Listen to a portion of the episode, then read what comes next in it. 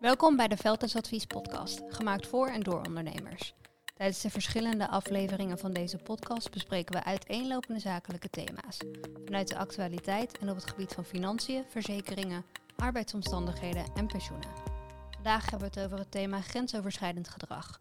Grensoverschrijdend gedrag is momenteel hot topic. Van mensen die er wat lacherig over doen en zeggen dat ze ook niets meer mogen, tot serieuze aantijgingen. En de gevolgen daarvan die in sommige gevallen breed uitgemeten worden in de media. De Voice of Holland en Ajax zijn nog maar het begin, wordt er gezegd. Het kan in ieder bedrijf of organisatie voorkomen. Dat weten de experts die vandaag aan zijn geschoven maar al te goed. Aan tafel zitten Bob Veldhuis, directeur van Veldhuis Advies, en Margreet Mulder, case manager bij NOG Arbo. Welkom. Dankjewel. Dankjewel. Um, Margreet, vraagje. Um, de, wat Kelly net inleidde is dat de afgelopen weken er gewoon heel veel te doen geweest is in de pers um, over grensoverschrijdend gedrag. merk jij in jouw dagelijkse werkzaamheden dat uh, daar meer belangstelling vanuit werkgevers of werknemers naar is over wat dat betekent voor hun praktijk? Ja, we hebben wel de laatste tijd uh, vaak telefoontjes gekregen, met name van werkgevers. Moet ik een vertrouwenspersoon hebben? Wat moet ik doen als werkgever? Uh, dus uh, in die zin is de belangstelling wel degelijk. En je ziet dat daar een grotere belangstelling voor is dan dat dat pak een beetje een half jaar geleden was? Ja. ja, ik denk dat werkgevers zich er meer van bewust zijn dat ze nu wat moeten doen. Uh, in het verleden hebben, zijn we ook wel benaderd uh, om uh, eventueel een vertrouwenspersoon te leveren. Waren werkgevers die hun arbeidsvoorwaarden goed voor elkaar hadden en die het allemaal netjes zouden doen. Maar nu zijn werkgevers wakker geschud. Ik moet wat.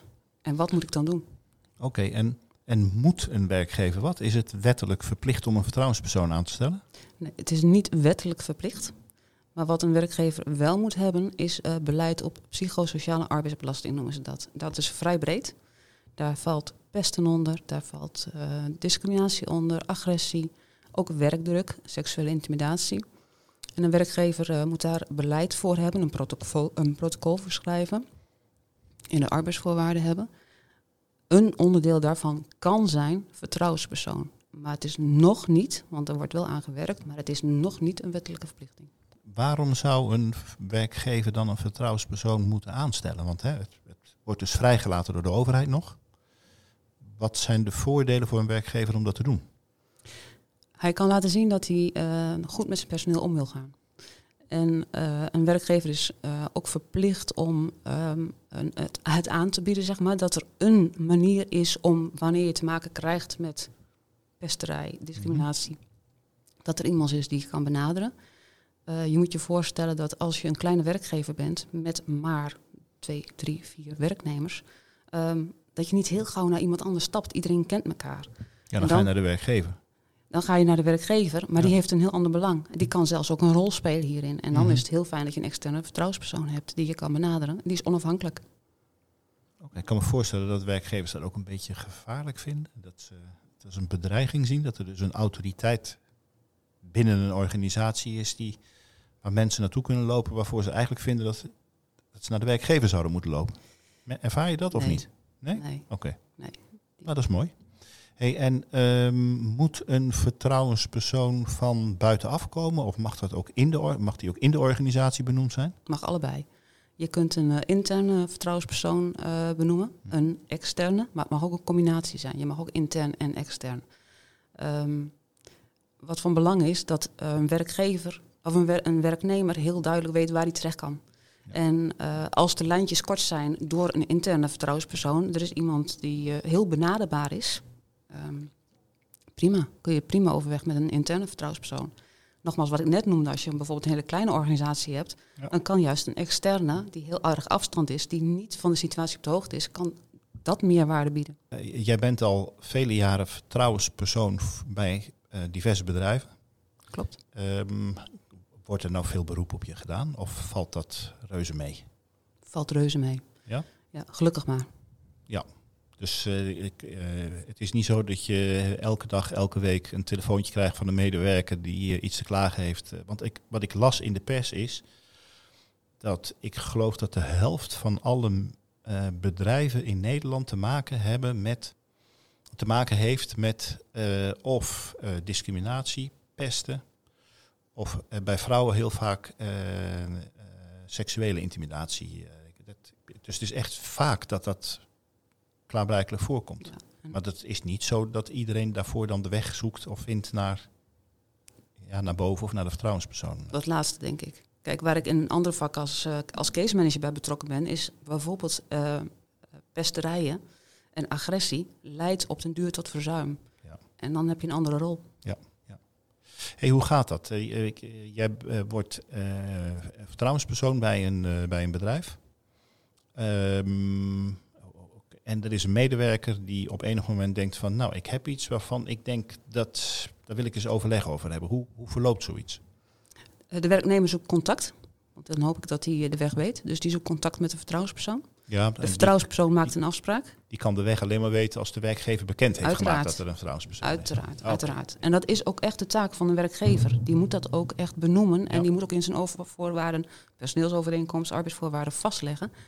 Hoe iemand eh, toegang hè, krijgt tot een vertrouwenspersoon. Oké, en die neemt contact met je op. Eh, we maken een afspraak. Ja. ehm, Waar? Op neutraal terrein bij de werkgever. Het is even aan nagelang van de organisatie en de situatie. Ehm, en dan hebben wij een gesprek. Ik hoor het aan. Het is in eerste instantie is de rol van een vertrouwenspersoon echt de opvang van eh, het slachtoffer, zeg Ja, maar. ja. En een luisterend oor bieden. Ehm, dan heb je het gesprek gehad. En eh, je sluit af met hoe kan ik jou helpen? Wat wil je dat ik doe? Ehm, kan ik je doorverwijzen? Kan ik je adviseren? Wi- Wil je überhaupt hebben Wil je het überhaupt? Ja, ja, ja. En wat wil je dan? Wie, wie moet ik bijhalen? Ehm, als een werkgever of de betreffende werknemer zegt van ja, ik, ik wil echt verder, ik heb advies nodig, dan heeft de vertrouwenspersoon een adviserende rol. Aangifte doen, in gesprek gaan met andere betrokken partijen. Maar er komt ook voor dat een werknemer zegt: Ik wil alleen maar even dat je naar me luistert. Ik wil niet dat je wat doet. Dan kunnen we afronden, oké, dan maken we deze afspraak. En dan neem ik over een poosje nog even weer contact met je op, een stukje nazorg. Om te kijken van, eh, hoe gaat het nou met je? Was het voldoende of loop je toch nog even vast? Ja, Oké, en dan kan het zijn dat ehm, eh, de medewerker graag wil hebben dat je contact legt met de werkgever voor hem. Of dat je geadviseerd hebt om dat te doen, dat er een vervolg aan komt. Maar het, uiteindelijk kan het zijn dat een dossier sluit. Hè, dat Mhm. eh, het besproken is of die medewerker wou het alleen maar kwijt. En eh, dat, dat, wat, wat doe jij daar dan vervolgens mee? Ik, dan heb je een beetje een verbindende rol. Kijk, het, het komt niet vaak voor dat een werknemer alleen maar zegt van... fijn dat je naar me geluisterd hebt, het is klaar. Ehm, je hebt al een hele stap gezet door een vertrouwenspersoon in te schakelen. Ja, Dan is alleen luisteren bijna niet meer voldoende. Dus er moet een vervolg komen. Ehm, het kan zijn dat je initiatief, initiatief neemt door partijen bij elkaar te brengen. En dat je daar als dan een soort onafhankelijk bij zit. Het kan ook zijn, ook afhankelijk van de ernst van de situatie, dat er een klachtencommissie ingesteld wordt. Daar speelt de werkgever ook een rol in.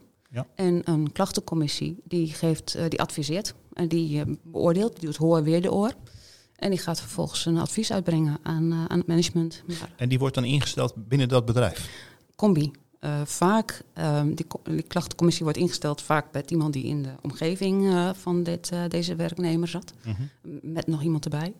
Maar er wordt ook vaak wel geadviseerd om dat een, eventueel een externe die echt onafhankelijk is. Ja, ja. Die helemaal niks, geen banden heeft met het bedrijf, om die er wel bij te halen. Ja, ja, begrijp ik. Ja. Hey, en Margreet, nu even, dat, dat, of, dat, of dat nu zo ver gaat, maar gewoon dan even heel eenvoudig. Laten we ervan uitgaan, er is een medewerker bij je geweest en die medewerker die wou zijn verhaal kwijt. En dat heeft hij bij jou gedaan en je hebt gevraagd van moet ik hier vervolg aan geven? En die medewerker zegt nou laat me dan nog even over nadenken, maar voor, ik vind het zo wel even genoeg. Hij heeft niet gevraagd of je dat wilde delen met de werkgever. Gaat een half jaar voorbij, je hoort niks. Of je hebt nog een keer gebeld met die medewerker en dat is klaar.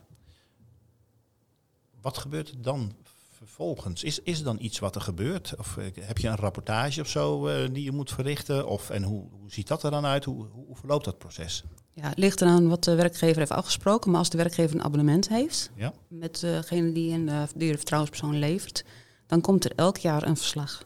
Met, en er, er wordt niet inhoudelijk over gesproken, uiteraard. Er worden geen namen in genoemd, maar wel hoe vaak ben je in actie gekomen als vertrouwenspersoon. Oké, dus de aantallen die eh, staan er dan in. Oh, oké.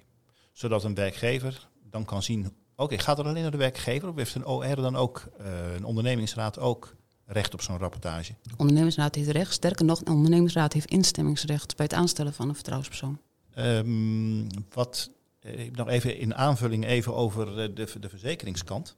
Het kan zijn dat uh, mensen, medewerkers, ernstige schade lijden, psychische schade lijden als gevolg van dat ze langjarig, of maakt niet uit of dat er een trauma is tijdens het werk veroorzaakt door nou ja, wat het ook mag zijn. En dat containerbegrip, hoe noemde je dat net? kun je nog een keer helpen? in het begin, uh, psycho... Sociale arbeidsbelasting. Kijk, psychosociale arbeidsbelasting. Dat dat, en dat daar iets in misgaat, uh, als ik de verzekeringskant erbij pak, dan is zoiets als er een aansprakelijkheidsstelling zou volgen, dat een medewerker daadwerkelijk zegt van ik word hierdoor geschaad, ik heb hier financiële schade die ik hierdoor leid, want ik kan niet meer werken, of ik heb uh, verlies aan arbeidsinkomen, of ik heb nou ja, wat voor beschadiging dan ook, dan kan die werkgever ervoor aansprakelijk gesteld worden. Die werkgever die aansprakelijk gesteld wordt, heeft daarvoor een verzekering lopen. Dat is gewoon de aansprakelijkheidsverzekering, waarom, waarop ook verzekeringsdekking daarvoor is. Maar een van de voorwaarden voor het verkrijgen van verzekeringsdekking is dat een werkgever beleid heeft vastgelegd. Wat dan volgens mij de, de paraplu vindt, de moeder vindt in de RI. Hè, de risico-inventarisatie, dat, het daar, uh, dat dat heeft plaatsgehad. Als het er niet zo is, dat zo'n aansprakelijkheidsverzekering dan al heel snel zegt maar ja, dan doen we niet mee, want je hebt je beleid niet voor elkaar. Uh. En de rechter telt, telt daar ook heel zwaar in. De jurisprudentie heeft ook gezien, kijk, nogmaals wat we in het begin zeiden, een, het is geen wettelijke verplichting om een vertrouwenspersoon te hebben. Mm -hmm. Maar jurisprudentie heeft wel heel erg uitgewezen dat de rechter er wel zwaar aan tilt als jij niet als werkgever voldoen voldaan hebt aan je zorgplicht. Ja. Waaronder dus een beleid uh, voor psychosociale arbeidsbelasting. Ja. En dan word je wel degelijk aansprakelijk gesteld, ook al is de wet nog niet geregeld. Oké, dan e-, even over het, uh, ter afronding, even om het uh, ook uh, handzaam te maken voor een werkgever. Jou, een, een, werkgever die jou inschakelt, inhuurt als zijnde de vertrouwenspersoon voor de organisatie.